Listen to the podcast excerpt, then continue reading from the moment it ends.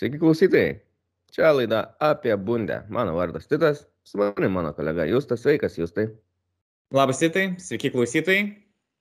Buvom kurį laiką pradingai iš eterio. Turėjom planuose įrašyti praėjusią savaitę laidą, bet nesigavo dėl užklupusių darbų. Artėja šventės, tad labai nepykite. E, taip jau gavos, kad praleidom praktiškai, galim kalbėti apie tris turus, bet e, kai jau kai kurie buvo labai senai, e, kai kuriuos dalykus vieno turo aptariam kitam podcast'e, nežinau, galbūt pastebėjot, kas matėt internete, dalyvavom antros geltonos podcast'e, tai ten pakalbėjom apie Der Classic ir, ir pakalbėjom apie Ralfą Rangniką, esantį United klube, kas jau truputį išeina iš mūsų interesų zonos. Bet, na, jis yra vokietis, tai šiek tiek labai norint galima pri privesti prie Vokietijos arba, na, galbūt jums bus atskirai įdomu. E, Tai mes šiandien laidoje pakalbėsim, žinoma, apie kai kurias naujienas, nes jų įvyko per tas kelias savaitės Bundeslygoje. Tuomet labai fragmentiškai pakalbėsim apie 2, 14 ir 15 turus, tai nes ten buvo ir dar klasikeris, buvo ir daugiau įspūdingų varžybų, bet labai trumpai ir tada koncentruosimės jau į šios savaitės, vidury savaitės vykusias varžybas, tai vakar, trečiadienį ir antradienį. Tai tiek. Naujienos, tai pagrindinės naujienos įvyko tokios, kad tiesiog Leipzigas atleido savo trenerį Jesse Maršą ir pasiskyrė naują trenerį Tedesko. Žinomas treneris, vokietis, yra jau treniravęs Vokietijoje keletą klubų, dabar dirbo Rusijoje paskutiniu metu. Kaip tau šis pas, paskirimas, jūs tai ar a, gali Tedesko išgelbėti Leipzigą, jau jų prastą formą, prastą sezoną, ar yra tinkamas jiems treneris? Ar tu galvoji, kad galėjo rasti kažką geresnio šiuo metu? Kad geresnio šiuo metu rast galėjo, tai drąsiai abejoju, neįsivaizduojama. Šiaip nustebino, kad jie, buvau visą užmiršęs jau apie Tedesko, kai jis išvyko į Spartaką, buvau, nes šiaip jis yra labai jaunas treneris, jam dar tik 36 metai.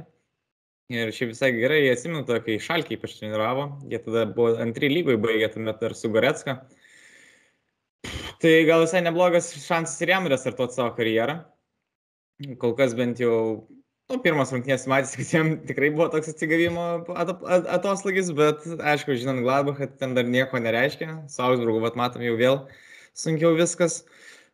Nu, aš tai manau, už maršą bus geriau. Gal jie dar, gar, nu, norėčiau tikėti, kad savo sudėtim dar sugrįžia į čempionų lygos vietas. O ar čia bus kažkokie stebuklai ir ten atkartos Nagels mano, nežinau, pasiekimus, tai nemanyčiau. Jisai kartu baigė trenerių kursus, mokymus su Nagelsmanu, buvo tam pačiam kurse ir e, Tedesko baigė aukštesnių įvertinimų negu Nagelsmanas netgi. Mm, šiaip toks įdomus faktas, gal labiau juokingesnis būtų toks, kad e, Dominiko Tedesko yra italų kilmės, jis yra gimęs Italijoje Ir Tedesko italų kalboje reiškia vokietis tiesiog. O yra dar toks treneris Fiorentinui, Vincenzo Italiano. Tai jis yra gimęs Vokietijoje. tai va toks, va, sąryšis tarp dviejų trenerių.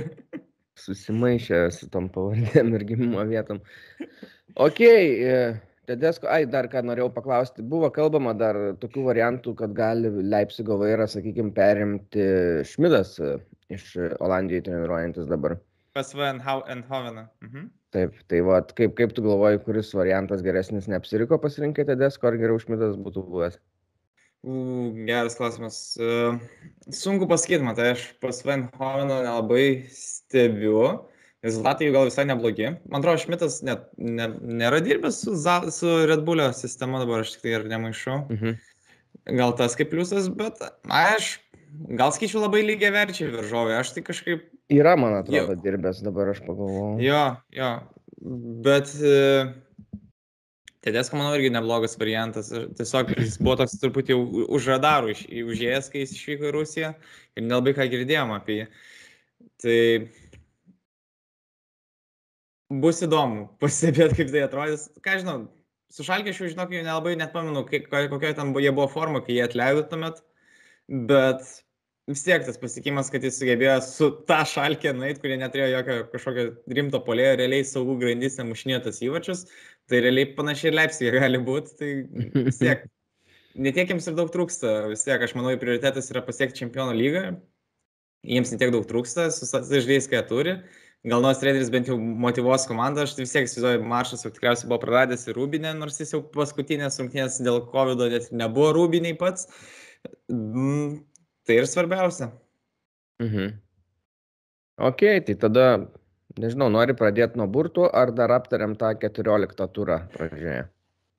E, tai galim aptarti 14 turą. Gerai, tai 14 turė, aišku, buvo svarbiausios varžybos, dar klasikeris Dortmundas turėjo šansą aplenkti Bayerną, buvo labai kovingos varžybos, intensyvios, man patiko, kad Dortmundas išėjo tikrai, na, nepasidavę į aikštę, norėjo kovoti, lipo ant kojos, skalė su kojom į kaulus, tai tos kovos netrūko, pralaimėjo, buvo pora ir tokių, sakykime, diskutuotinų epizodų, paskirti ir nepaskirti 11 m baudiniai. E, to, tuomet, aišku, po, jau varžybų, kai tokių momentų yra, visada prasideda kalbos ir apie teisėjus. E, šiuo atveju teisėjas na, buvo su, sakykime, abejotina reputacija iš praeities, nes yra buvęs e, na, suspenduotas dėl, sakykime, varžybų papirkinėjimo. Jisai buvo asistentas senai ir kai jis buvo asistentas, pagrindinis teisėjas tuo metu buvo papirktas ir jisai tai žinojo ir tik tai daug vėliau su kitais asistentais apie tai pranešė. Ir ten liktai gavo dar netgi sumą, kiek pamenu, ten kelis gal šimtus eurų.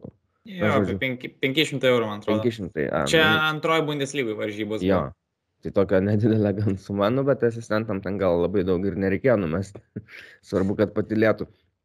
Tai jo, tokia situacija buvo ir jisai buvo tada suspenduotas ir lyga slėpė tai tą faktą, dėl ko jisai nebeteisėjauja. Ir dabar jisai vėl yra grįžęs į aukščiausią lygį. Tai taip, nu nežinau, įdomiai. Neturiu nieko, jau... sakykime, prieš šį teisėją, bet tu žinai, kokios tai yra varžybos, tu žinai, kad kiekvienas abejotinas sprendimas po to bus labai eskaluojamas visoje šalyje, spaudoje. Ir na bent jau gali tada prieš varžybas paskirt trenerį, kuris teisėją, kuris keltų kuo mažiau abejonių tokiais klausimais. Na, nu, betgi jis ir senai teisėjauja Bundeslygai, Felixas Svairis ir tik dabar ja, kažvėl apie... Ne, tai... Nėra Bundeslygai jokių kitų varžybų, kurios keltų tokią žiotažą kaip dar klasiker. Na, tas irgi. Aišku, tas įvykis jau vyko ten 2004 metais, jau tikrai daug laiko praėjo. Ir ką žinau, dėl to, tarkim, nepaskirto baudinio Dortmundui, aš sakyčiau, jo, ten, ten kur Liuka Hernandesas, ten tikrai buvo pražanga prieš Marko Roisą, bet ten jau žinom, kad ten buvo nuošalė Holando pačioj atakos, kaip sakant, statymė, tai kaip ir to baudinio, kaip ir vis tiek nebūtų pavaro apie. Bet labai kažkaip nebuvo ištransliuota varžybė. Jo, tai. jo, jo. Tas Aš per pakartojimą irgi mačiau, kad ten prieš tai yra nuošalė, bet na, teisėjas tiesiog pasakytų aiškiai, kad čia buvo nuošalė ir baigęs visos kalbos apie tos 11 m baudinius. Taip, na, bavaras tiesiog parodytų, nu taip, taip, pritariu. Tai va. Buvo turbūt gal chaos, ypač žaidėjams aikštėje, kurie viso to nematė, negirdėjo, ten kiek supratau, iš Holando kalbų, kad ten teisėjas tiesiog pasakė, kad nėra prasmės peržiūrėti epizodą, nes viską mačiau savo akimis. Tai... Ok, jo ir taip, žodžiu, Bairnas įsiveržė į priekį, patų varžybų El... įsiveržė keturiais, šiuo metu yra skirtumas dar didesnis, bet, bet dar pakalbėsim apie tai.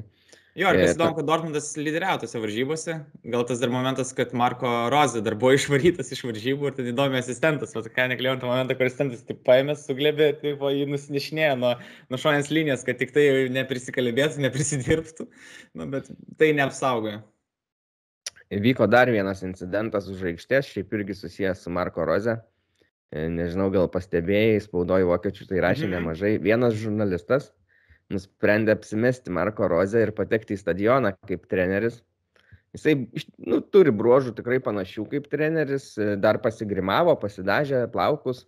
Tai buvo gan tikrai panašus. E, išsinuomavo autobusą pasiemė, kad pasidarė kaip Dortmundo, susodino manekenus, kurie būtų kaip žaidėjai ir pravažiavo pro visus patikros punktus į stadioną ir jį sustabdė tik tai prieš įeinant į rūbinę. E, man tai visas šis istorijos įdomiausia dalis yra tokia, kad pasirodo ne vien Ole Gunaras Slokšeras yra už vairo, bet pasirodo ir Marko Rozė kartais pavairuoja autobusą. Tai va, kaip, kaip supratau, žurnalistas nebeturės teisės patekti daugiau į stadioną už šitos juokelius. Na taip, bet aš manau, jis to ir tikėjosi, verta. E, kitos tame ture buvo svarbios varžybos, tai e, e, e, e Freiburgas 6-0 atkalė Menchen Gladbacho Borusiją. Iš tikrųjų, mm. išskirtinis rezultatas, jei neklystu, buvo vienas didžiausių ar didžiausias pralaimėjimas Gladbacho istorijoje. Ir ten labai anksti tie penki įvarčiai sukrito ten prie gal 20 minučių. Ir Freiburgas, aš kai žiau tas varžybas, visus, pra, nu, labai panašiai viską darė kiekvieno įvarčio, iš kairio krašto tiesiog užkelimas ir tada jau baudos aikštelėje ar chaosėlis, arba geras smūgis iš karto ir viskas, įvarčiai krenta. Aišku, kai greit prasileidi tos kelias, tai jau tada psichologiškai pradedi griūti, plus kai komandoje ir šiaip forma nelabai gera. Jo, jo, ten komanda labai greit sugriuvo. Aš irgi žiūrėjau tas rungtynės, baisu, kas buvo. Ten iš standartinių situacijų, kiek iš kampinių primušė. Visi šeši įvarčiai pirmam kelnybėje, ten antram kelnybėje net nemušė. Ten. Nors progų tikrai turėjo, ten kontratakų buvo išbėgę tokių baisių. Čia galėjo būti dar nešvariau, bet e, kas labai tokio jau buvo akivaizdaus, kai ir taip dėl COVID reguliavimų nebuvo daug žiūrovų stadione ir jau pirmo kelnio vidury jau žiūrovai palieka savo sėdynės ir eina namo jau taip akivaizdžiai, taip demonstratyviai. Tai nebuvo geras signalas. Aš tai nuoširdžiai galvau, kad Adi Hiteris jau praras kėdę po šitų rungtynių, bet pasirodo gali dar prisileisti dar septynis įvarčius per dvi varžybas ir vis dar sėdėti vietoj. Kol kas. Mhm. Nu, Maksas Ebrelas, jų sportinis direktorius, sako, kad čia ne vien trenerio bėda, bet ir visos klubo vadovybės. Tai kaip ir dar turi, darsime, jeigu po tokių pralaimėjimų dar treneris turi klubo pasitikėjimą, tai geras ženklas treneriui. Aš galvoju, kad čia yra turbūt bėda ir ta, kad jie sumokėjo išpirką visai nemažą už Žadį Haterį. Mhm. Ir dabar prarasti atleistą trenerį, kur vėl turbūt ir kompensacijos kažkokios dar eitų. Tai labai brangiai ateina klubui šiais laikais toks dalykas. Tai jie vis bando išlaviruoti, bet bet bus labai sunkus, kai taip žaidžia. Man tai keista, nes Gladbachas tikrai gerą, gerą sudėtį turi, dabar žaidėjai, tie pagrindiniai, kai kurie, kurie buvo traumuoti, yra jau atsigavę, tie nauji, kurie buvo irgi jau atrodo įsižaidę, kur pradžioje įstrigo, skelį, mhm. ko ne. Mhm. Tai, na, keista, kad jie vis tiek netranda tą savo ritmą, bet pakalbėsim, įdomiausias po to buvo jų vat, vakarykštės varžybos su, ja. E, su, su, su Eintrachtu. Jo. Tai Na, šokį, 14 turą, kas tai galima paminėti, tiesiog, kad Unionas 2-1 įveikė Leipzigą ir tos jo. buvo specifinės varžybos, kad atleido Jesse Maršą. Labai Leverki... geros varžybos buvo man, Aha. kas įsiminė juose, kad Angalo Unionas laimi 2-1, tai įvarčio reikia Leipzigui, ten kokią 80 minutę ir jie toliau kūrė, spaudžia Leipzigą, atrodo, kad jiems reikia įvarčio. Ir Leipzigas tokie, na, visai bejėgiai atrodė. Ir po to kapitonas, Leips, net kapitonas, o gal kapitonas dabar Gulašis, aš galvoju, ne? Kapitonas, kapitonas. Kapitonas, nu, tai jie jo irgi prie tribūnų atsiprašinėjo, ir galių bandė pasiaiškinti, na, tai situacija jau buvo ten tikrai įtempta. Mhm. Ir... Norėjai dar kažką apie šitas varžybas pasakyti? Ne, apie šias varžybas ne, tiesiog greit paminėsiu, kad dar Leverkusenas 7-1 sutraiškė Greuter Fürth, čia gal nieko įspūdingo, tiesiog, kad Patrikas Šikas paskutinius keturis įvarčius sumušė ir tai jo buvo pirmas Bundeslygui pokeris. Ir staigiai iškilo į topus rezultatyviausių prieš mm -hmm. Pralenkė, paga, pagaliau kažkas pralenkė Holandą, nors jis Holandas daug varžybų buvo praleidęs. Gerai, galim šitą turą, manau, Viską šitą turą skipinam, tada kitam mhm. turė, kas buvo svarbios varžybos, tai Eintraktas 5-2 įveikė Leverkuseną. Leverkusenas pirmavo 2-0, staigiai sukalė savo įvarčius, bet po to 5. Bet... Vėl Patrikas Šikas dar 2 įmušė dublį. Po to 5 gavo Betsako ir na, skaudžiai pralaimėtos varžybos jiems. Aš žiūrėjau tas varžybas ir ten baisiai, ten iš pradžių atrodė, tas 2-0 atrodė, go, nu jo, čia klasika, vėl Frankfurtas, Max gal lygesnis pratrauks arba dar jos sutriuškins. Ir kai Frankfurtas paėmė visas varžybas į savo rankas, ten baisu buvo, ten jie, ten jie dominavo visom prasmėm, ten baisu. Aš nesuprantu, kas jiems atsitiko, bet taip viskas tiesiog klikino. Ir geri įvarčiai ten buvo, ir, ir iš toli prasmugiavo, ir ten ne, ne vien Kostičius tos įvarčius kūrė. Tai ir jau pagaliau Rafaelis Santisas Borė visai neblogai atrodo aikštėje, gal dar neuždaro savo progų, bet bent jau gražiai prisideda prie įvarčių kūrimo. Tai, nu, Leverkusenui, nors jie ir pirmavo 2-0, bet tose rungtynėse nebuvo jokių šansų. Vargšai Fiurto Greuther laimėjo prieš Unioną 1-0, gavo truputį jau tų taškelių, turi dabar keturis, aišku, nekils jie iš dugno turbūt ir iki pat sezono galo, bet, bet bent šiek tiek turėjo teigiamų emocijų šitam sezone jau, tai, tai bent tiek. Ir aš noriu pasakyti, kad, tarkim, jie jau čia antrą kartą žaidžia Bundeslygoje, bet tos rungtynės buvo jų pirma pergalė namuose Bundeslygoje. Jie nebuvo laimėję niekada namuose. Tai vad, jau, jau vieno, vienas tas mani, Berly, tas, Berlyno tas manis rekordas išliks, nes jie dar niekartą nebuvo laimėję savo namuose. Wolfsburgas 0-2 pralaimėjo Stuttgartui, Bayernas 2-1 sunkiai įveikė Mainzą, Mainzas yra Šiaip gera komanda šiemet vėl. E, yra šešti šiuo metu, 24 taškais, vos keliais atsilieka nuo ketvirtos vietos. Kas vėl išsiskiria pas Mainzą, kad jie labai tvarkingai gynėsi. Tos gynybos linijos tokios mm, su mažais tarpais, sakykime, tarp linijų, kitų su saugais ir polėjais. Tai labai sunku praeit pro juos yra. Mhm. Ten e... tikrai reikia išvargti, dar reikia gal paminėti tai, kad tiesiog labai Barne vėl iškritusių žaidėjų yra, Goretska negali žaisti, uh, tuose rungtynėse ten, man atrodo, Gnabris tik tai nuo suolo kilo. Mhm. Ir, nu, dar tuose rungtynėse, tai aišku, dar žaidė Toliso, bet po to dabar jau po to po šitų rungtynių ir Toliso iškrito. Tai tikrai saugų linija tokia, kaip sakant, nors pradėjo Musielo Toliso, dabar iš vis kitose varžybose iš vis Musielo Roka. Nu, tikrai ne, neoptimali sudėtis centre. E, ir jo, ir Barnas atsilikinėjo prieš Mainz dar tas, svarbu, kad praleido Onisiv, Karimo Onisivo smūgį iš galvos 22 minutę. Ir pirmą kėlinį taip Mainzas ir baigė laiminėdami. Ir po to ten išvedė tik tai, tiesiog įsilygino, kai Komanas išlygino varžybas ir koks buvo toliso rezultatus perimas, ten iš giliai išties, iš savo išties pusės, kaip pakėlė ir komandos pirmo lietimu gražiai sustabdė ir tokį štampavo. Nu, lab, ten neštampavo, man atrodo, vartininkai tarp kojų pramušė smūgį, bet vis tiek tas mano pasas buvo toks gražus, kaip nusileido į... Na ir po to, aišku, musėlas gale buvo irgi ten stebuklai, du klinukus pasistatė, vieną apsivarė žaidė ir kitam smūgį tarp kojų paleido, tai irgi toks pavaras atrodo irgi visai atsigavęs jau. Bet jo. jo čia, tose varžybose buvo neramu, kad Dortmundas e, gali atstatyti tą status quo, kuris buvo prieš dar klasikerį, nes kai Barinas pralaiminėjo, o Dortmundas žaidė su Bochumu, tai turėjo visus šansus, bet jie patys sužaidė po to lygiom, baigė vienas vienas su Bochumu ir, ir Barinas dar labiau padidino persvarą. Jo, tas tai tikrai. Šiaip toliso labai gerai atrodė šitose atkarpose, kai nebuvo Kimicho ar Goretskos. Uh, Ir jo, man atrodo, daugiau šitose varžybose neturiu ką pridėti. Jo, o Dortmundas tai vėl ta traumų problema pas juos yra, kuri jo, juos privertė ir čempionų lygos pasitraukti iš dalies.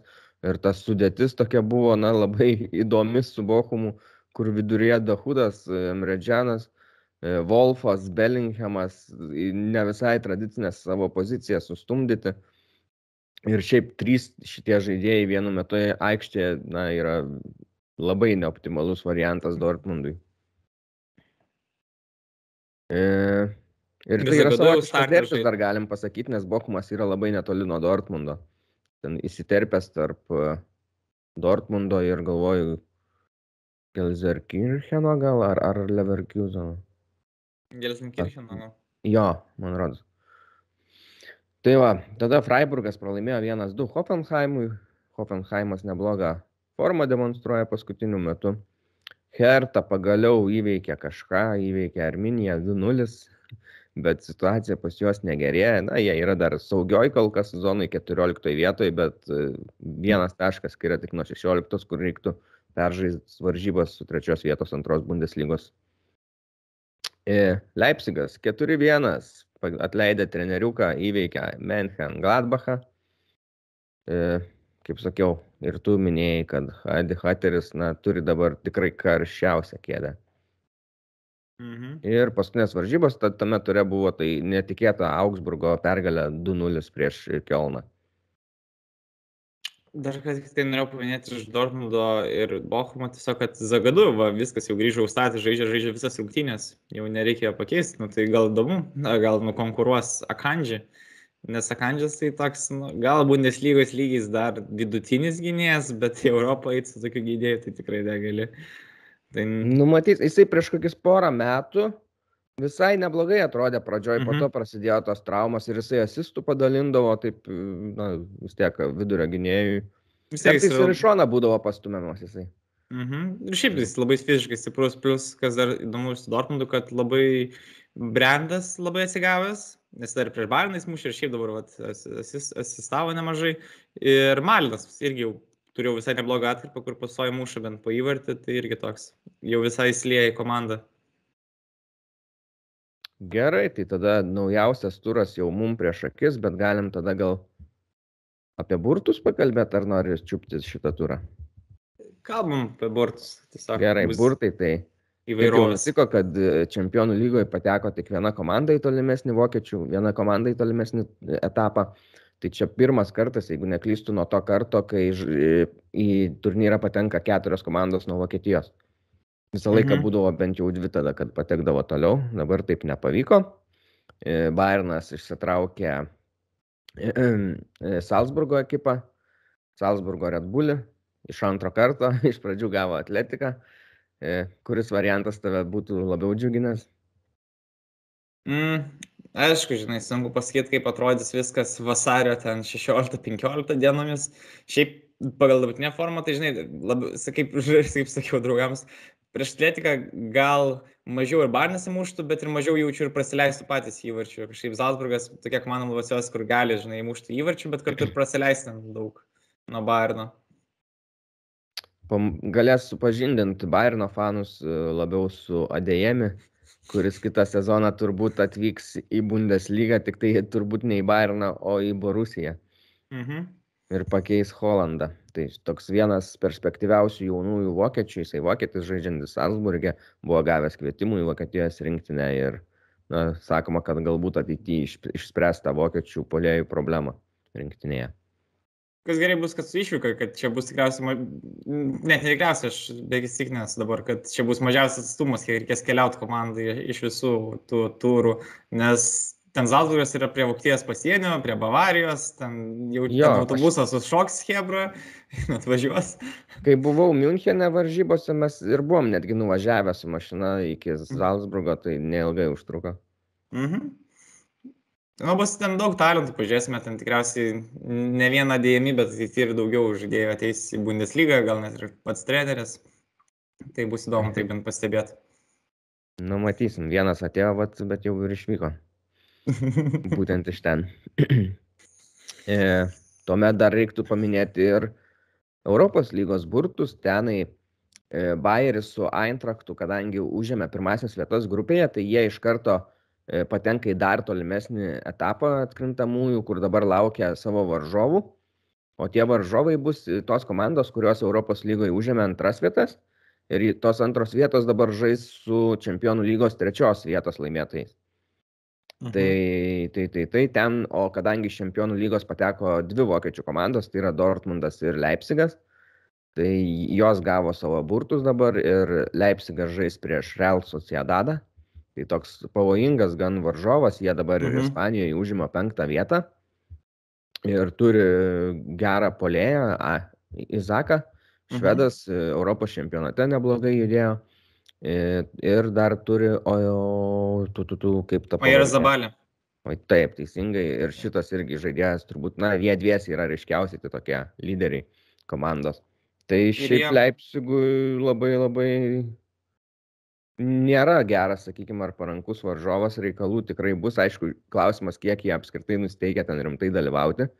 Tom aš truputį abejoju, manau, kad bus koncentruojamas į Bundeslygą, nes situacija prasta, o čempionų lygą nori užsitikrinti. Tai, tai pažiūrėsim, ar, ar Leipzigas bus pasiryžę kovoti. Sakėm ir apie Dortmundą panašiai kalbėjom, kad nors jų situacija Bundeslygoje yra, yra gera, bet jie vis tiek, ar jam yra tikslas koncentruotis į tą Europos lygą, nors jų berods galimybės yra geriausiai vertinamos trumpo šitam turnyrą, bet, mhm. bet, bet aš manau, kad dar šitą etapą turbūt praeis Dortmundas, nes jie gavo Rangerius Glasgow. Jo, pritariu. Ypač Glasgow rangeriai, rangeriai truputį susilpinęs e, treneris jau Stevenas Gerardas perėjo Aston Villa, kuris prisidėjo prie to, kad rangeriai pagaliau nukoronavo Glasgow Celticą, kurie ten jau dominavo, nepamenu, kiek ten lygo ar devynės, iš eilės buvo laimėję tikrai labai daug. Mm, jo, Real Sudadas dar turi tikrai daugeliu žiūrovų pažįstama dar žaidėja Davidą Silva atvykus jau karjerą pasibaigti irgi iš Manchester City. Sičio. Jie prieš porą metų dar laimėjo, na šiaip praeitis metais, bet prieš, tos, kur prieš porą sezonų laimėjo Ispanijos taurę, kuri buvo atkelta, ten, kur buvo Baskų finalas prieš Bilbao atletiką. Tai tikrai bus įdomu pažiūrėti. Nežinau, gal Leipzigą turėtų labiau dominti šis turnyras, nes galėtų laimėti kelialapį į čempionų lygą, bet, bet nežinau kokie jų ten šansai. Na, nu, pamatysim, bet džiugu, kad Dortmundas gavo Rangerius, aišku, nereikia prisikalbėti, bet sakau, tikiu, kad praeis šitą etapą. Yra bent tris ar keturis kartus berot žaidė Europos lygoje su Rangeriais, jau senokai, bet e, tuomet sekdavosi jiems sunkiai. Bet Rangeriai tuo metu buvo didesnė jėga, negu yra dabar Europoje tai va tiek ir tada jau kai praeis šitos visos poros e, matysim ką gaus bajeris ir eintrachtas bus įdomu mane bajeris šitam turnyre labiausiai turbūt domina tokia mhm. Juodasis arkliukas kuris ant atakų ant puolimo gali tikrai praeiti toli šitam turnyre Šiaip ir Eintrachtas kažkaip jie bent, kai Bundeslygoje ten buksavo tam savo lygiosiam, tai Europos lygoje rinkosi pergalės. Tai atrodo, jiems irgi lengviau sekėsi žaisti. Ir tada dar gal Unionas, pasakau, kad iškrito iš konferencijų lygos, buvo vienintelė komanda ten, e, baigė savo europinį pasirodymą, jie vienas vienas sužaidė su Prahos Slavija, jiems reikėjo pergalės, tada būtų berots ir patekę toliau. Ir matęs, kad jiem rūpėjo visai patekti, kapojos, e, kriuzę mušė įvartį, atakavo, sudėti išleido gerą, nu, norėjo tęsti savo europinį sezoną, nes nežinia, kada ta proga kartosis tokiam klubui. Plus ir sirgaliams tai didelis džiaugsmas. Ir ką reikia dar paminėti, kad Wolfsburgas jau iškrito iš Europinio turnyro, nes užėmė savo grupiai paskutinę vietą. Jo, paskutinės varžybos buvo prastos jiems ir tą grupę laimėjo man šiek tiek netikėtai Lilio futbolininkai, kurie pradėjo gan sunkiai, bet turnyro pabaigoje šį pagavo gerą formą ir, ir Prancūzijoje, ir Čempionų lygoje ir tie jaunieji talentai bus, man rodos, graipstomi dabar jau po sezono. Šiaip Sančiasas save yra ten atradęs Renato. Mhm. Ir dar jie turi polėją gerą kanadietį. Jonathan Davidą, ja. Skau, tai aš, ateityje, bet po Lewandowskio visą gal būtų įdomu pamatyti kanadiečių dublį. O... Oh. Ir, ir Leipzigas prieš iškrisdamas dar sugebėjo Manchester City parklubdyti, kur nustebino, kad jie su stiprė sudėtimu atvyko. Uh, Tarsi mes tikrai stipriu startinį 11, aš galvoju, jie ten daug daugiau rotuos, nes dabar vis tiek Anglijos Premier lygoje dabar bus įtemptas tvarkarštis, daug varžybų. Tai turbūt tas nustebino ir aišku, jie sugebėjo laimėti dar net Kailą Walkerį pasiūs namo pasimti raudoną kortelę, tai Pepas ten buvo piktas jau, kad tokiuose varžybose realiai dėl nieko praleis po to pirmas krintamas varžybas. Aišku, pagal jų varžovą tai nieko tai jiems nekeičia. O kaip tu ar patenkintas dėl Bayerno burtų? Prieš Salzburgą? Ar vis dėlto norėjai kažko įdomesnio prieš atletiką? Uh, nežinau. Jeigu, žinai, yra garantuotas uh, užtikrinimas, kad praeisi tolimesnį etapą, tai tada man geriau atletiką išsimesti ir tokį saldų pajausti jausmą po tų 2.15-2.16 berats metų, kai mhm. pusfinalyje buvo iškrista po lygiai įvarčių sumušta, bet ten išvykos įvarčiai viską nulėmė. Tai va, o Miulerio baudinys dar buvo neįmuštas. Nu, bet, bet nežinau, šiaip esu atsargus visą laiką šituose krantamuosiuose, nes, na, baisu prisišnekėti ir po to, jeigu nuo kokio nedaug dė Salzburgo prasileisi, tai, nu, gėda tikrai. Nors komanda yra gera, jinai jauna, atakuojanti, gražiai žaidžia, na, bet tai vis tiek jau ne tas kalibras. Taip, taip, taip. Plus, skaičiu, tie aštuntfinaliai, nežinau, čia gal vienas iš tokių keletas prietarų, ką turiu su futbolu, kad kažkaip, kad tikra ta forma laimėti Europos, Europiniam turnyrui prasideda tik tai nuo ketvirtfinalio. Kažkaip labai dažnai būdavo tokių komandų, kurios ten aštuntfinalės ten dėlė kaip išdrasko kažkokį favoritą, ten išmeta, ten ar sutriuškina ir tada viskas, pasibaigia jų praėjimas kažkur ten toliau. Ir tada kažkaip ketvirtfinalį, kai jau prasidėjo pavasaris, ten buvo nuo jau kovo galas, Tai aišku, ten jau ir Bundesligas, lygos baiginėjasi, taurės ir ten jau reikia jau ir su traumom tikriausiai įsilaižyti kažką ten galvot. Tai aš va, tikiuosi, kad Barnas, va, nu aš taip manau, tikiuosi, kad praeis kitą etapą, kad kaip čia bebūtų, nors nėra garantuota, vis tiek reikės laimėti tas dvi varžybas. Mm, nu ir tada jau padės demonstruoti va tokį lygį ir tada galima bus jau aiškiau spręsti, ar gali pretenduoti į didįjį prizą ar ne. Ir panašu, kad ketvirtfinaliai tai tikrai bus labai stiprus, nes daugelį porų yra, aišku, pakankamai aiškus favoritas, arba bent jau labai apylygų. Ir nelabai matau, kad kitame etape būtų silpnų komandų. Mhm. Nu, pamatysim, visada kažkoks taigmenų vyksta, ten koks Juventusas gali prasileisti, bet mhm. Juventusą atgavus irgi nelabai bijočiau. Tai. Mhm. Mm. Tai Šiaip Juventusom bijočiau mažiau negu Salzburgą. Nu, nežinau, man atrodo. Nes man jie, aš bent jau žinau, ko tikėtis iš jų, tiesiog beveik nieko. Na taip, taip, bet aš manau labiau gal Zalzburgas yra palankesnis žaidžovas savo žaidybinė prasme, nes Zalzburgas nėra ta komanda, kuri autobusą statys. O nėra autobusus, labai pragmatiški. Jo, ir žinai, prieš pragmatiškus prieš pragmatiškas komandas, ten, žinai, kad ir kaip ir Juventusas, ar Villarealis, ar kas nors, vis tiek yra sunkiau žaisti ir daugiau įeina tada sėkmės, šansų, nes ten vis tiek progų bus mažiau, kontratakų bus kažkiek ten daugiau pavojingų ir ten gali kažkaip pasisukti nesėkmingai. Su Zalzburgu bent jau žinai, kad abi komandos ateis pažaisti. O kaip ten baigsis, pažiūrėsime. Gerai, tai nenuteikinėkim liūdnai, šiaip tikrai Bayernas nebejotini favoritai ir, na, nežinau, tikrai turbūt praeis. Ir... Na taip, bet aš sakau, tikriausiai, kad nebus ten su visais vartais išės Bayernas, nes vis pirma, aišku, man atrodo, visiems yra akivaizdu, kad Bayernas silpnoji grandis yra jų gynyba dabar. Tas problema nėra dar išspręsta, neaišku, kurie žaidėjai dar bus, neaišku, koks Kimichas grįž, koks Goretska ten kiek užtruks, kol pasveiks. Aišku, dabar dar daug laiko, čia iki vasario visi gali pasveikti nes mes jau žinom, kad Kimikas čia pamatingu pasveiko po COVID, bet turi komplikacijų, ten turi užsitvėjusių stazių plaučiuose. Tai šiais metais, nu, tiksliau, pasinės varžybos jau jie irgi praleis. Mm, bet jau kaip supratau, kad Kimikas jau buvo kaip ir užsirašęs vakcinacijai ir tuo metu susirgo prieš tai.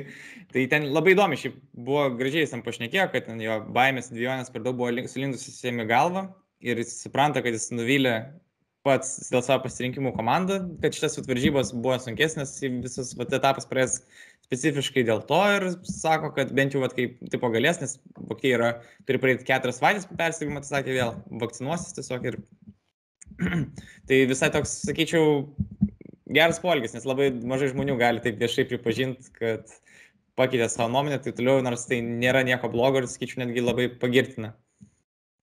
Tai turbūt komplikacijos truputį pakeitė tą požiūrį ir kalbama, kad abu žaidėjai turi komplikacijų, bet e, mhm. daugiau apie Kimichą ir taip labiau gal pozityviai kalbama, apie Motingą beveik nieko dabar nebėra rašoma. Ir aš prieš kelias savaitės buvau, man rodos, matęs tokį žinią, kad jam tai ten tikrai blogiau yra. Tai va įdomu, kiek, kiek užtruks, nes yra buvę tų atvejų, kai sportininkai, kurie susirgo labai labai ilgai, užtruko mėnesiais, kol atsistatė. Tai vat, vat, tai gali būti, sakau, kad Kimicho atsistatymas gali būti jau labiau į vasarą orientuotas. Nu, bet žiūrėsime. Aš tikiuosi, kad bus geriau viskas. Gerai, tai dar vat, kažkaip vis tiek norėtus gera, gera gaida apie tą čempionų lygą pabaigti, kad Barsa buvo vėl įveikta 3-0, Barsa iškrito į Europos lygą. E, ir tuose varžybose, ar tau labiausiai tuose varžybose patiko Mülleris ir jo šūksniai, emocijos ir raginimai. O kada man nepatinka Millerio šūksniai, raginimai, įvarčiai ir rezultatyvus perdavimai. Jis buvo tiek užsivedęs, kad galėjai girdėti, kaip jisai skatina savo komandos draugus neatsileisti ir būkim su jais maždaug, na, taip pažodžiui verčiant, grubesniai, kietesniai, parodykim, ką mes čia jiem galim padaryti, nu, žodžiu. Bet... Nereikšmingos varžybos, bet e, Hebra nusprendė pasilinksminti vis tiek bent truputį. Nu, tai sudėtis jau vien ką reiškia. Uh, nu, bet Mülleris visada, nesvarbu, koks varžovas, žinai, ar jis prieš Mainzą, ar jis ten prieš Ludgartą bėgioja. vis tiek jis yra žmogus, kuris pas pirmas presinguoja, kuris skatina visus kitus jau bėgti net leist, visus motivuoja į priekį. Čia gal, aišku, nu, čia tiesiog, kad nebūtų instrumentas, kad čia specifiškai vat, prieš Barceloną tai buvo net, sakau, jis prieš bet kokį varžovą tą patį daro. Žinok, aš, aš jaučiu, kad truputį buvo. nu, nu, čia jau interpretacijos. Nu, gal, gal, bet uh, Esmė tokia, kad Radio Mülleris grįžta į arenas, kai jos pratuštėja, Müllerio balsu, balsą galėsim vis daugiau girdėti. Mülleris sakant, yra daugiausiai įvarčių čempionų lygoje įmušęs prieš Barceloną žaidėjas apskritai. Jo, kas yra, pa, kas yra visai skaičiu keista, nes nebūčiau tai pagalvojęs. Bet jo. Tada, tada. A, ir po, po pavaržybų jis interviu irgi davė, sakė, kad Barcelona turi gerus, labai techniškus žaidėjus aukšto lygio galėtų lygintis į aukščiausias komandas kitas, bet jie ko neturi ir, ir dėl ko jie pralaiminės prieš tokias komandas, tai intensyvumo žaidėjų, jie nesugeba išlaikyti jo, nesugeba pateikti to. Na nu taip, bet čia, man atrodo, akivaizdi problema, čia tikrai visi, kas matė Barceloną, nu, tai taip, Mülleris neklystis, tiesiog tiesą pasakė, į, akis vos ne, E, nes jiems truks ir fiziškumo, tai jie ten gali gal tik vieną kėlinį ar žaisti intensyviai. Čia ir ne vien Barcelona tokių problemų turi ir panašu, kad šiuolaikiniam futbolui tu turi visus kėlin, abu kėlinius žaisti intensyvų futbolą, fizinį futbolą ir vien technikos jau nebeužtenka. Gerai, 16 turas, kuris vyko vakar už vakar, buvo gerų varžybų, gerų tokių rezultatų, netikėtų kai kurie. Pradėkim nuo tų, aš tada išvardinsiu rezultatus varžybų, apie kurias galbūt ir nekalbėsim, ne?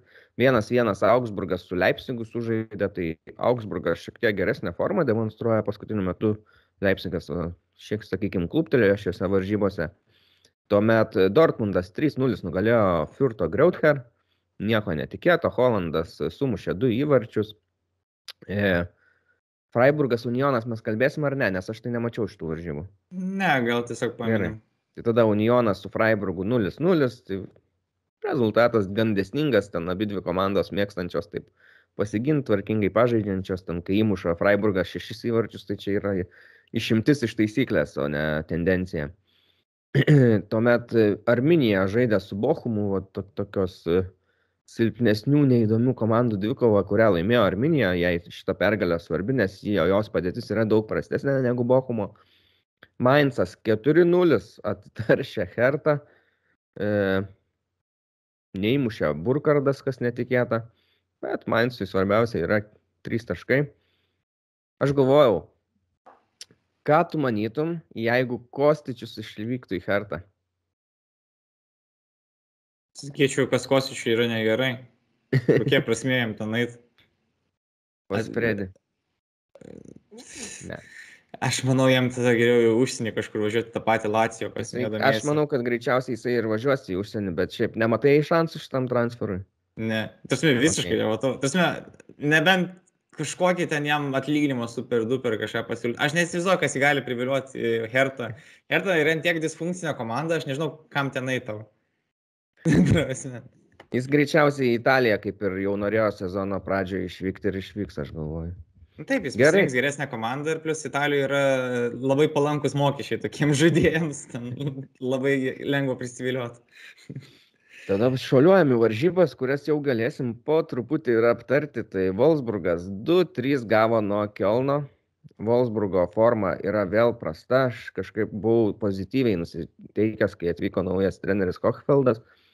Ir buvo ta tokia labai trumpa bangelė teigiama jam atvykus, bet po to, na, nieko gero tiesiog. Ir nežinau, man čia yra klausimas, ar, ar neteks Wolfsburgui dar kartą keisti trenerio sezono metu, nes labai blogai. Nu, ar, iš tų visų trenerių karusėlių vis dar noriu pasakyti, kad Wolfsburgas yra didysis pralaimėtojas, nors ir Nu gerai, ten Jesse Marsh irgi atleido Leipzigas, bet vis tiek jų padėtis yra geresnė, jie turi geresnę komandą, gal net ir aš manau, kad aš vis tiek sakyčiau, Tedesko, bet kuriuo atveju yra geresnis treneris negu Kofeldas. Nežinau, man vien tas paskirimas irgi nedavė per daug vilties, bet aš suprantu jos vien dėl to, kad nėra gerų pasirinkimų tiesiog. Aš nežinau, iš kur jie turi iškapsyti trenerių. Hankėsą vėl nuo karjeros prikeltą, nežinau. Neįsivaizduoju. Ne, nu, Tiesiog bet, aš- okei, okay, Leipzigas vat, sugebėjo Tedesko išsikrapštyti. Vat, Nu, taip. Wolfsburgas. Taip. Nu jo, tas pats Manchester United sugebėjo Rangniką atsikraustyti iš lokomotyvo. Nu, bet čia jau kiti, kiti motyvai, jo. kiti pinigai, man rodos, ir galimybės.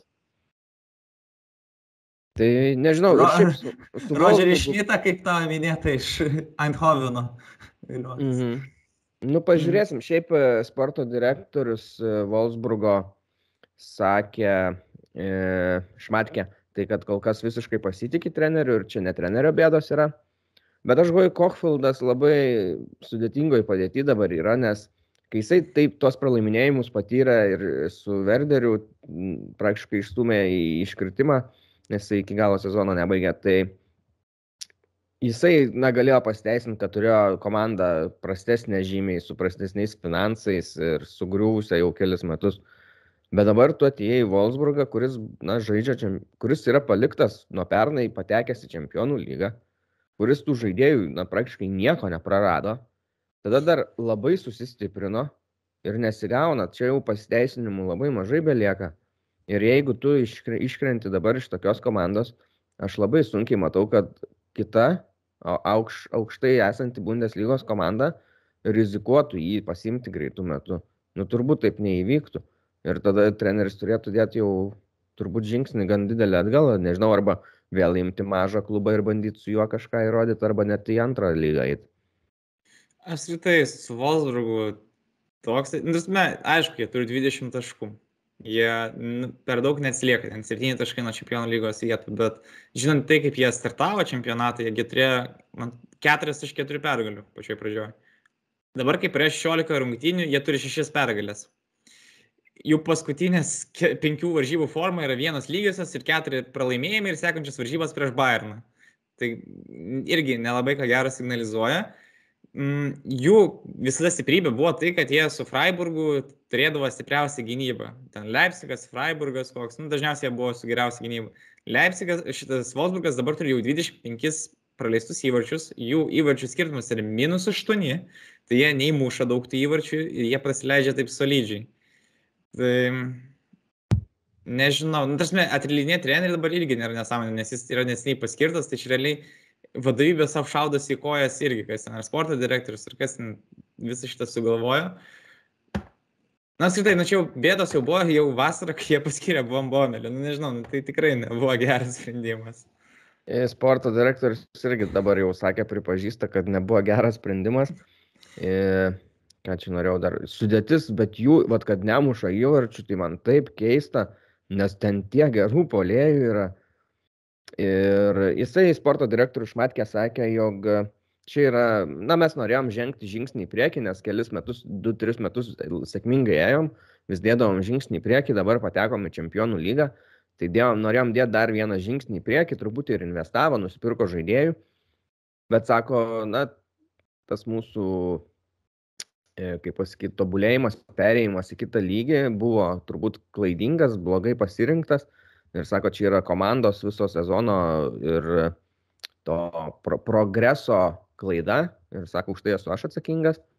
Ir trenerio tikrai nekaltinu, sako, mes kai nu, kalbam dabar su Kochfeldu apie visą situaciją, tai sako, jisai mums duoda pakankamai aiškius atsakymus, pakankamai aiškias analizės, reiškia, treneris jiems paaiškina, kodėl pralaimėta, kas įvyksta, kad sako, mumis tai įtikina ir dėl to mes na, neplanuojam kol kas čia pokyčių su treneriais. Ir sakė, kad greičiausiai kažkuom dar stiprinsis žiemą. Aš tai nebejoju, bet esmė tokia, kad aš dabar pažiūrėjau, jie turi lygiai tiek pat pergalių lygių ir pralaimėjimų kaip Bochumas. Jie turi tik tai vienu daugiau įmušę įvarčių, bet prasileidė tiek pat. Tarsi, Bochumas, kuris pakylo iš antros Bundeslygos, realiai žaidžia kaip Wolfsburgas. Tarsi, Wolfsburgas per 16 rungtynį įmušė 17 įvarčių, čia realiai vos ne po vieną įvartį per rungtynės. Tai čia labai blogai. Tarsi, mes net galvojam apie kokį Unioną Mainzą, kurie ten retai muša, ar ten Freiburgą, bet jie daug geriau atrodo negu Wolfsburgas, nors jie turi tą patį Vekrustą, kuris praeitą sezoną ten 20 įvarčių mušė lygoje. Bus labai sunku jam. Ir, ne, ne, ir atrodo, kad visi žaidėjai yra, viskas sustiguota. Labai šiaip daug klaidų gynyboje. Lakro šį sezoną ir jau trys raudonas yra pasiemęs. Ir kiek baudinių atidavęs, man atrodo, irgi apie trys. Tai tikrai atrodo, žaid, kai kurių žaidėjų forma irgi krytus, ypač kalbant apie gynybą. E, gerai, bet tada dar pasakysiu, kad po tų varžybų, kai pralaimėjo 2-3 Kelnui, vyko aistrų nemažai vis dar. E, aistros buvo susijusios su Kelno žaidėju, mums gerai žinomų modestė. Matei gal ką jis kalbėjo? Taip, aš mačiau šitą. Jisai įmušė du įvarčius ir pasakė, jog e, man yra smagu. Sako, gyvenime visada susitinki du kartus maždaug. Reiškia, jau yra kažkokia istorija. Ir sako, man tai patinka, nes man patinka siūsti šmatkės komandą į krizę. Va taip atšovė, o istorija yra tokia, kad tiesiog šmatkė buvo prieš, tuo metu dar seniau, kai modestė prieš išvykstant į Kiniją žaidė Kielne. Šmatkė buvo Kielno direktorius sporto. Ir kaip suprantu, tam buvo tarp jų konfliktas, nes Šmatkė labai norėjo išsiųsti modestę į Kiniją. Ir matomai, turbūt su intencija, kad labai pasipelnyti norėjo. Ir ten labai sunkiai viskas sekėsi, ir aišku, po to galų gale jiem pavyko, ar išnuomoti, po to parduoti jį, bet, bet žodžiu, tas transferas nepatiko modestai, kaip supratau, ir, ir buvo forsuojamas labai iš, iš klubo pusės. Tai modestė jaučia nuoskaudą ir kelis kartus vat, kartoja, sako, aš labai džiaugiuosi, kad galiu jo komandą dabar siūsti krizę. Šmatkė irgi po to buvo paklaustas, ką jisai mano apie tokį dalyką, tai jisai ten labai šaltai taip e, neišeskaluodamas situacijos pasakė, kad na, čia jo, jo reikalas, žinai, čia mano darbas kitur yra.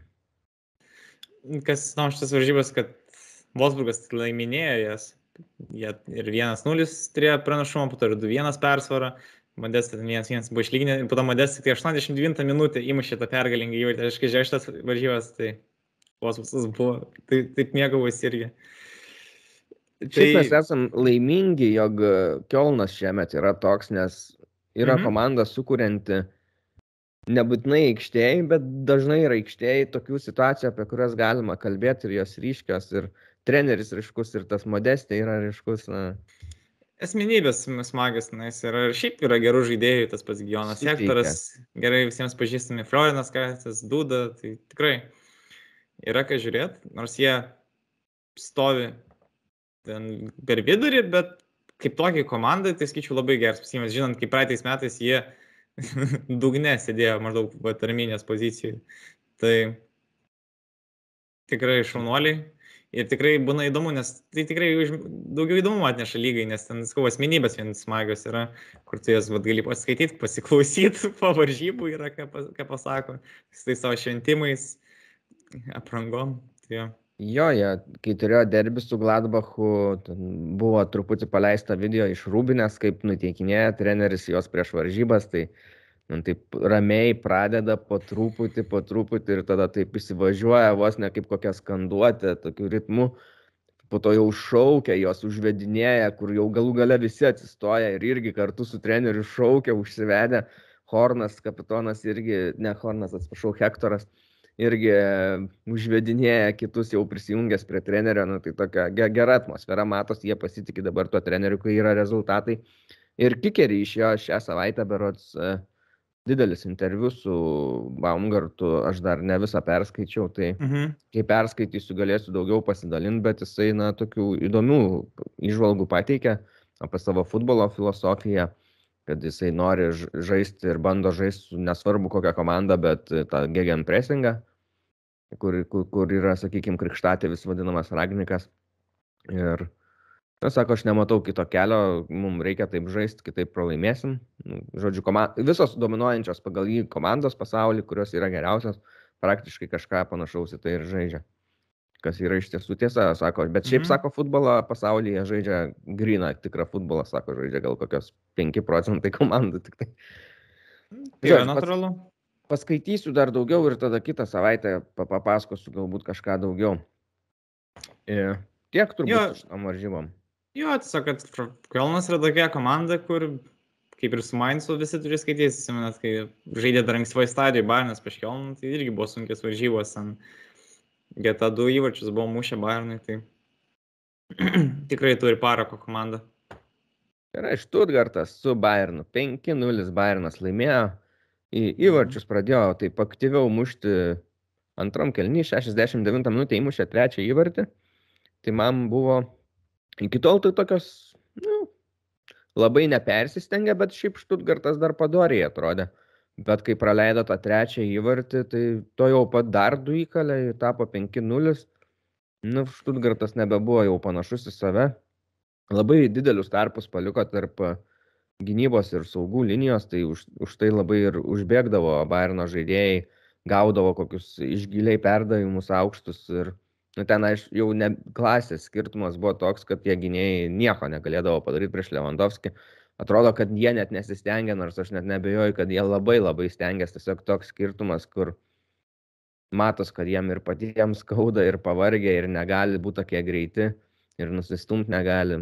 Nu, tai šiek tiek gaila buvo, nes dar kol varžybų pradžia buvo, aš kažkaip pagalvojau, kad Štutgartas, man rodos, galėtų jau čia nuo šito momento galbūt vat, atsistatyti truputį, nes jiems sunkus sezonas ir kad, kad pradės geriau žaisti. Bet nežinau, po, po, po galutinio varžybų iš Vilpuko tai dar abejoju. Mhm. Na, jie turėjo jie visai ateidavo iki neblogų pozicijų, iki vartų. Ir tada prie vartų jie ten negalėdavo atlikti smūgį, arba jas nublokuodavo, arba priimdavo labai prastus sprendimus. Labai kokybės trūko. Jo, bet grinai pačiam uždarimui, nes jie iki vartų sugebėdavo atsivaryti tą kamuolį ir kontratakas vystyti, bet tiesiog, jokio, aš nepamenu jokio pavojingo pačio smūgio tiesiog, kad nori būtų išmėginę. Ten nepataikydavo į vartus arba Jo. kažkur visiškai nei temą numuždavo. Jo, arba jį nublokuodavo, koks, kas išginėjo, ten koks Liuka Nandisas ar Deivisas. Tai va tas, jiems truko to grinai paskutinio jau smūgio, ko, ko dažnai, tarkim, kokiam Gladbachui taip pat trūksta. Nu, Gnabrisui tai užvyrė čia košės, sriubytas visiems jau ten. Šefas. Šefas. Šiaip geriausias. Jas buvo labai ir ko, kokius įvarčius mušė tas pirmas gražus labai buvo, kur kaip per FIFA grinai. Mhm, prasuka. Ir Gynėjų visi- šiaip e, linija man buvo turbūt labiausiai patinkanti šiuo metu, ypač centro gynėjai, tai Zulės su Hernandės, manau, yra kol, da, šiai dienai optimalus variantas.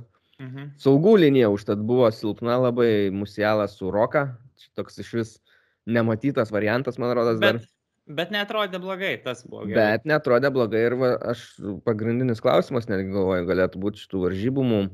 E, Nagelsmanas po šitų varžybų labai labai smarkiai gyrė Roką ir buvo ilga pastraipa apie jį parašyta iš Mhm. Nagelsmano žodžių, kad jisai sakė, netgi rūbinėje pagyrė jį ir labai džiaugiasi prie visų, ką, ką jisai sakė apskritai praktiškai, na, niekada individualių žaidėjų negiria ir nekomentuoja prieš kitus. Mhm.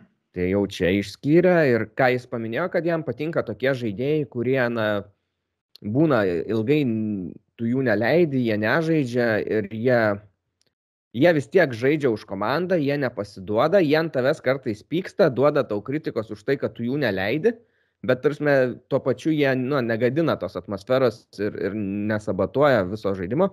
Ir vad, kai gauna progą, jie pasinaudoja ją ir e, man įrodo, kad galbūt aš buvau neteisus jo neleisdamas tiek ilgai. Mhm. Šiaip man Roka, na, netrodė blogai, bet tikrai buvo vietų, kur man nepatiko tas toks nusteikimas kartais, bet jisai kiek neįprastai žaidė, nes buvo dažnai pastumiamas netgi tarp gynėjų gintis. Ir Tai, tai, tai taip keistokai atrodė. Tai taip, tai arba jis arba Roką turėdavo nusileisti pasimtą kamuolį, žudinėti to kaip atraminio e, saugo pozicijai, bet, na, apskritai, Roką Musielas čia tikriausiai fiziškai slėpniausias vidurys, kokį gali Barnas išleisti į aikštę.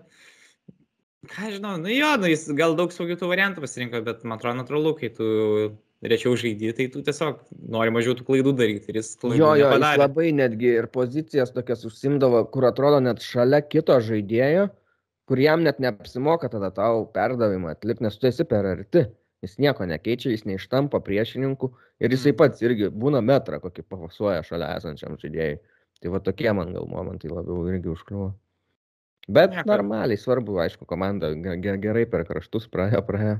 Tai tikriausiai vis tiek prieš Wolfsburgą, aš įsivaizduoju, jeigu Toliso nepasveiks, tai vėl tą patį vidurį matysim ir aš, nors ir Wolfsburgo žaidėjai vidury yra geresni, sakyčiau, bet nors dar klausimas šį musialą, kaip žaidžia dabar, tai Dar klausimas, bet manau, atrodys neblogai. Šiaip gaila, kas buvo, kad komandas pasitempė šlaunį e, ankstyv varžybose, nors jo buvo forma vėl ugninga, bet gerai, kad neatsikartojo jokia pavojinga trauma ir čia tiesiog laikinai jį pasaugos. Jo, jisai praleis dabar varžybas, bet po to sakė, Mhm. po žiemos turėtų jau pilnai žaisti vėl. Jo. O Gnaveris ne tik, kad Hetriką čia mušė, bet ir dar du rezultatyvius perimus. Atliko tai jis vis, prie visų penkių įvarčių prisidėjo. Tai... Ko man pakeitęs Zanešiai irgi neblogai atrodė. Mhm. Tai iš karto dar prasidėjo jau įvartukai. Lewandowskis du įvarčius įmušė ir buvo keista, kad jisai visiškai nesidžiaugė, nerodė jokių emocijų, netgi toks piktesnis atrodė. Jo, jis labai piktas buvo, aš net, net, net nesupratau, kodėl toks piktas jis buvo. Žinok, aš, aš sėčiau vis dar su tais kamoliais. O, dieve. Nu, bet nesvarbu, mes tos kamolius esam pilnai aptarę, o Mhm. Lewandowskis pakartojo Müllerio gerdo rekordą 42 berots įvarčiai per Vienas. kalendorinius. Ge- Vienas? Mhm. Ok, Kem vienas. 41. E, Per, per kalendorinius metus ir dar žais vienas varžybas su Wolfsburgu, tai gali pagerinti. Vėl viską palieka paskutiniam varžybom. Kaip be intrigos. Ir prieš tą tokie mėgstamiausią dideli- varžovą. Tokie dideli rekordai, tai būtų keista, jeigu labai anksti pagerintų. Ne, net labai anksti neįmanoma, aišku. Tai va, nežinau, galvoju, gal ir viskas apie šitas varžybas, tik tai mes buvom gavę klausimą, berots, apie tai, kad Komono, kaip ten sutartis, ar bus pratestos ir, ir, ir, ir dar, kieno dabar galvoju, Toliuso gal. Tai yra trys žaidėjai. Toliso. E, tiksliau, Toliso ir, Kam- ir Ziulė šitam sezonui baigėsi kontraktai. Komandas dar turi du metus. Tai po šio sezono jis turės dar sezoną kontraktą. Tai su Komonu yra, man rodos, tokia situacija, kad klubas Jį- nori pratesti ir siūlo, bet jisai truputį, na, ne, neforsuoja šitą reikalą ir bėda tame, kad jeigu jisai neprasitėse, tai tada klubas turbūt jį ir norėtų po šio sezono vasarą parduoti, nes tada gali Taip. gauti dar pinigų. Taip. Bet, Tai jo, bet, tokia ir yra situacija. Arba jis prasitė, tarsi, arba klubas su komanu ras kažką bendro. Ir aš, nu, tiksliausiai, aš manau, tai gali būti arba finansinės priežastis, arba dar gali būti viena iš priežasčių tiesiog, kad jau yra trys labai aukšto lygio e, krašto poliai, tai Gnabris, Zane ir Komanas. Niekada, nu, labai retai jie žais trys startę, kažkas turės tiek atsolas, nu, gal dėl to, gal konkurencijos, gal nebent. Ir atlyginimą, aišku, tikriausiai irgi norėtų didesnio. Nu, nebent jis turi kažkokią ambiciją varyti užsienį žaisti, bet dar nieko kol kas tokio negirdėjau. Mm, nu, aišku, aš tai norėčiau, kad jis prasitęstų su komandų kontraktą. O kaip bus, tai nežinau. Jeigu neišės prastęs iki vasaros, tai vasarą aš manau, kad tikrai pardavinės. Nes tolisos su Ziulė tai jie nemokamai gali, jau, jie, jie jau po naujųjų metų galės pasirašinėti sutartį su kitais klubais. Tai Mhm. žiūrėsim, kaip su jais irgi bus. Nu, tikriausiai, kad vienas iš jų, tai toliso tikriausiai išvyks kokį ten Milano Interą. Dėl Ziulės tai nežinau. Norėčiau, kad jis irgi pasiliktų. daugiausiai šansų, kad išvyks. Jo, Ziulė norėčiau, kad irgi pasiliktų, bet kažkaip irgi įtariu, kad kažkas gal koks Riudigris perės kokį čia į Realą ir po to Ziulė į Čelsi gali atnuyti. Nu, bet žiūrėsim, kaip čia gausias. Geriausia būtų, kad liktų. Man geriausia, kad visi žaidėjai liktų. Tas mes pritai, man nuo 20 metų, kai laimėjau čempionų lygą, norėjau, žinai, ir Tiago, kad liktų, ir Alaba, Vatengas, tegul būna. Kažkaip atrodo, nes labai sunku pakeisti, po to, žinai, išeina vėl po 2, po 3, ten po vieną žaidėją ir vėl juos reikia pirkti, keitinėti. Neaišku, kaip prisitaikys ir žaidėjai, vėl rizikos ateina. Sunkoko, sunkoko. Gerai, šaliuojame kitas varžybas, tai kurias stebėjai nuo tų ir pradėkim. Uh, jo, čia palatė, ką tu. Ai, tai Leverkusen su Hoffenheim. Ok. E. Bayeriui, sakykime, saliginai nepasisekė, nors ant galo galim sakyti, kad jau ir pasisekė, Mhm. nes e, sužaidžia 2-2 su Hoffenheimu lygiom, bet ją pirmavo, šikas vėl dublis, e, bet po to Hoffenheimas pradėjo taisyti padėtį. Šiaip pradžioj tai Bayeris tikrai buvo geresnė ir turėjo dar daugiau progų. Diabi labai gerai žaidė, tampė per savo kraštą ir pastoviai skersavo kamuolius į priešingą pusę, kuriuos gaudė šikas. E, Bet Hoffenheimas nepasidavė, žaidė jau Kramaričius vėl, tai ta sudėtėlė jų buvo irgi vėl visai įdomi. Ir ka- kas man išsiskyrė, tai nežinau, man tai labiausiai tai tas įvartis jau daburo antras. Mhm. Nu koks geras, turbūt sezono įvartis dabar kol kas. A, tau tai patiko jisai? Man tai patiko žiauriai. Nes Tau ne? geras buvo. Ne, ne, tai jie Toks geri už- įvarčiai. Taip užtikrintai, be baimės. Ir ten nebuvo, kad tik į tuščius vartus šalia jų būnant, o toks truputį vis tiek užsuktą kampą pataikyti tolimą į žaidėjų šalia nemažai vartininkas vartose. Smūgis nesigaus geras, stiprus, nu, techniškas. Ne, jis, jis labai geras, šiaip, šiaip ir perdavimas buvo geras, apskritai kaip ten Žeržinė Ruteras, jisai kaip apsižaidė e, tapsobą, jisai prasisuknas, nusimetė su tą kamliu ir su korpusu atsitvėręs, prabėgo, spėjo jį aplenkti ir tada įmetė tą pasą, dabūrą ir pirmą lėtimo būtent kulniukų uždarė. Jo, labai geras įvartis tas buvo. Bet ir, ir pirmas įvartis, aš sakyčiau, iš labai ten to aštraus kampo, tikriausiai aštriausio kampo, ką mačiau šį sezoną, kur tarp vartininko šonkaulių ir virpsto, ir ten nuo virpsto dar link kito virpsto nus- nuskrido tas kamuolys, nu ten irgi toks iš niekur įvartis. Jo, šikas tai galėjo tikrai čia su Hetriku išeiti laisvai, bet vėl tokia istorija, kad šikas vėl muša dublį ir vėl Leverkusenas turi kažkaip kapstytis. Po to tas pats Diebi 90 minutę pasikaršiavo, į kelią įspyrė žaidėjai. E, nepamenu, ar kam Grilčiui, ar kad Žabikui, kas, kas ten buvo. Bet nu, ten tikrai. Ne, net nereikia. Žaidė tokias geras varžybas ir nesąmonę Mhm. pasidarė ant gal. gal. Mhm. Visiškai. Jo, Nu jo, ir, aš- ir tas galas tai jau užsivedė, buvo labai Hoffenheimas, kai išlygino, tai nedaug trūko, kad įmuštų ir trečią. Tai vien kokie keitimai buvo, kur visi, nu, didžioji daug, tri, trys keitimai Leverkusino buvo tiesiog gynybą stiprinantis, nes jie ten norėjo apsaugoti rezultatą, tuo metu ten buvo 2-1, atrodė, kad tai čia saugosim rezultatą, o Hoffenheimas toliau palėjo prisileido į aikštę. Labai geri keitimai buvo, taip labai puikiai ir suveikė. Tai aš manau, Hoffenheimo bosai turėtų būti patenkinti. Jo, Sebastiano pats Hoineso. Daburas pakeitimo įėjo į aikštę.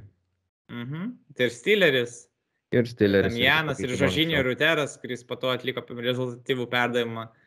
Tai keitimai labai pasiteisino.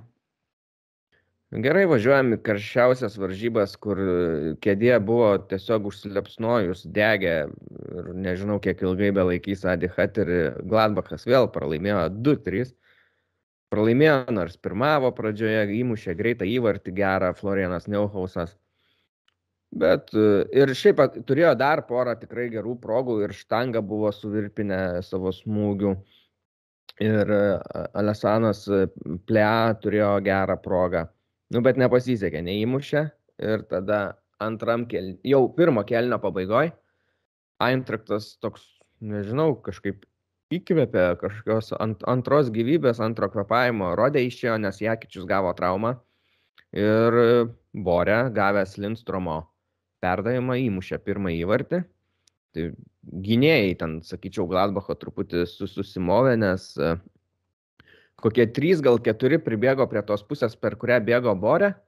Ir jisai Mhm. išspyrė kamuolį išskersavo, kur link centro, kur nu, ten jau buvo vienas berots gynėjas Gladbacho, o bet vi- virš jo į priekį geresnę poziciją išsiemęs buvo Borė. Lindstromas ten buvo išbėgęs iš šono, turbūt kažką netai pasakiau pradžioje. Nu, žodžiu, nes Lindstromas pafasavo, o Borė įmušė. Ir antram kelny nu, pradėjo Eintraktas jos daužyti, spaust. Greitai įmušė Eintraktas įvartį, Lindstromas antrą įmušė. Endika gerą perdavimą irgi iškišo. Šiaip Endika labai geras buvo šituose varžybose, aktyvus labai gynėjas. Mhm. E, Gladbachui pasisekė, jie labai greitai gavo progą išlyginti rezultatą, nes buvo paskirtas 11 m baudinys. Mušė jį jau nebe Stindelis pagaliau, mušė Bence Baini. Įmušė 11 m baudinį, atrodė, kad e, galbūt ir Gladbachas tokį emocinį pakilimą turės. Iš esmės būtų gal ir turėję, bet už minutės praleido trečią įvartį e, Kamada. Ja, Japonas e, išbėgo vienas pats ir įmušė. Tai vat, o ir po to jau viskas, Gladbachas tikrai nebeatrodė taip gerai, darė keitimus, išleido ir Turamą, ir Kramerį, ir Hermaną, bet, nu, ne. Jau Eintraktas tada atrodė geriau. Ir dar galėjo džiaugtis, kad ketvirto nepraleido. Nors, e, pavyzdžiui, buvo 70 gal minutę gavo antrą geltoną, tu tą gynėjas Eintrakto. Mhm. Tai tada jau jie pradėjo stiprinti tą sudėtį, gynybą stiprinti pradėjo leisti žaidėjus. Mhm. Ir, ir, ir net Hasebe buvo įmestas į aikštę, kad būtų tų gynėjų vietoj borės. tai jau, Mhm. kaip sakant, veiksmai akivaizdus, kas daroma, bet uh, atsilaikė šiaip. Taip, Ne, tai jeigu gynėjas išvint, čia logiškas, kitaip negali būti, turi būtinai numest savo polėje ir dėti gynėją, nes bus labai blogai, jeigu ten žaisi be vieno centro gynėjo. Tai va, Glad, Gladbachui labai labai blogai yra. Ir jie, Šiaip tai aš- pradžio, sakau, pradžioj pirmą kelnį jie žaidė gerai. Po to, Jau tikriausiai praranda pasitikėjimą, nes šiaip tai aš manau Frankfurto, čia dar buvo principinė dvikova vien dėl to, kad Edi Hutteris grįžo į žais su savo komanda buvusią, su Frankfurtu, kur manau iš visų tų karuselės trenerių tai jis labiausiai skaudino savo sirgalius, nes jis buvo dar kaip pranešęs, kad jis čia tikrai lieka klube, kad jis tikrai nepaliks Frankfurtą ir, ir taip pabėgo.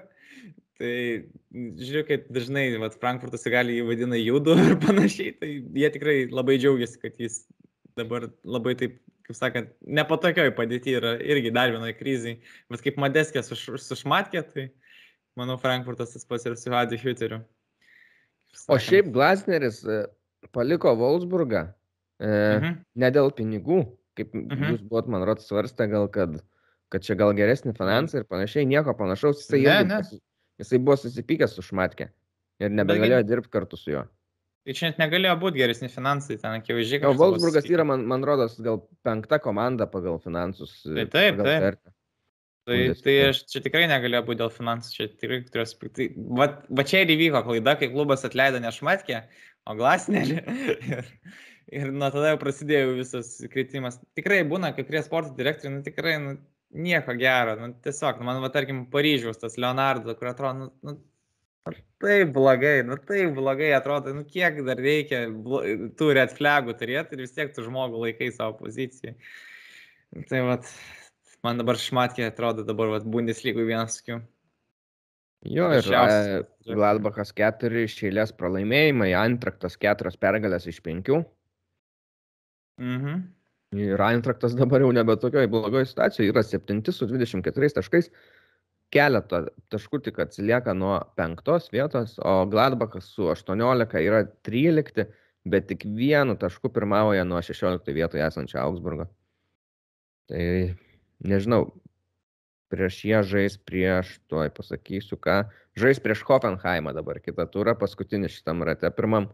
Nu tai aš čia vėl matau, kad gali būti pralaimėjimas ir po penkto pralaimėjimo iš eilės, ar vis tiek pasitikės to trenerių žie- žiemos langė, tu gali bandyti surasti kažką jau. Tuo labiau, kad Glabuchas jau yra pakankamai arti tos iškritimo zonos. Taškas. Tai yra visiškai neprimtina šitai komandai. Aš tai iš vis matau čia labai problemą šitą komandą, tai gali labai subirėti, nes labai daug žaidėjų kontraktai baigėsi. Jie gali išsiparduoti. Kažkaip atrodo labai nemotivuota komanda. Ir, nu, jie ir praeitą sezoną neturėjo labai įspūdingą čempioną, o šitoj Bundeslygui tas irgi net nepateko jau jokį europinį turnyrą. Du, vieną sezoną taip sužais, nu dar, dar, du sezonus taip sužais prastai, nu tai kažkas jau negerai, jau su klubu ir žaidėjais.